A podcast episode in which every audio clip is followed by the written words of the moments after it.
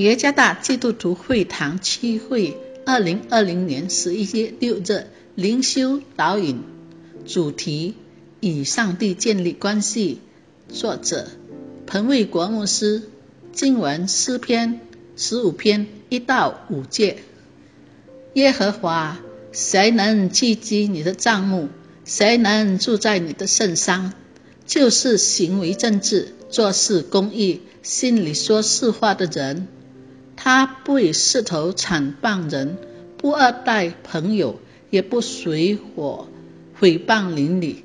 他眼中藐视匪类，却尊重那敬畏耶和华的人。他发了誓，虽然自己吃亏，也不更改。他不放在其力，不受贿赂，以害无辜。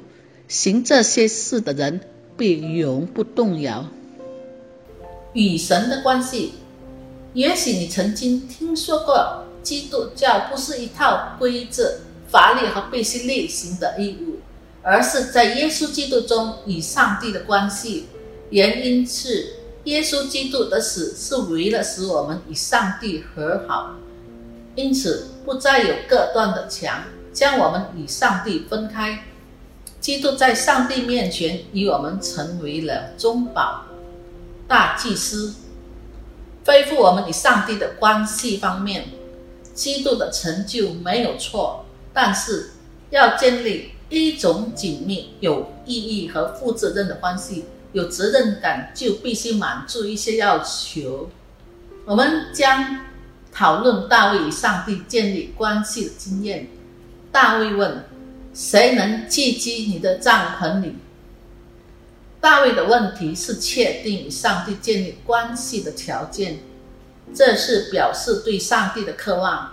上帝帐幕与圣山这个词强调了这一点。它被描述为上帝的同在或上帝的居所。能够去上帝的住所有什么条件？首先，没有瑕疵或金钱的生活。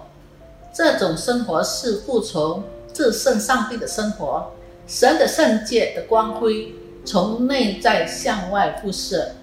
第二，全心全意地生活，这样的生活就是诚信、有品格的生活，活出上帝圣言的真理。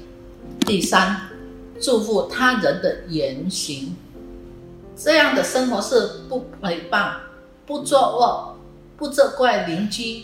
以真理建立与他人的关系生活。第四，敢于表达坚定立场，就是不轻视那些被排斥的人，不喜欢那些对对上帝邪恶的态度和行为。他们总是反对上帝，相反，尊重那些敬畏上帝的人。第五，免你一切贪婪的金钱。这样的生活充满了感恩和满足，在基督耶稣里，上帝给了我们一条回到他那里的道路。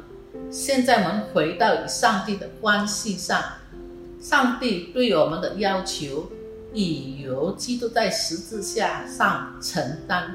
现在我们与基督联合，享受这一虔诚、公义与真理的生活。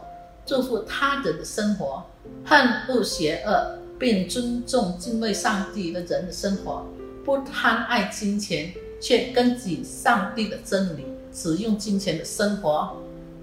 在基督耶稣里，信徒再次享受与上帝的关系。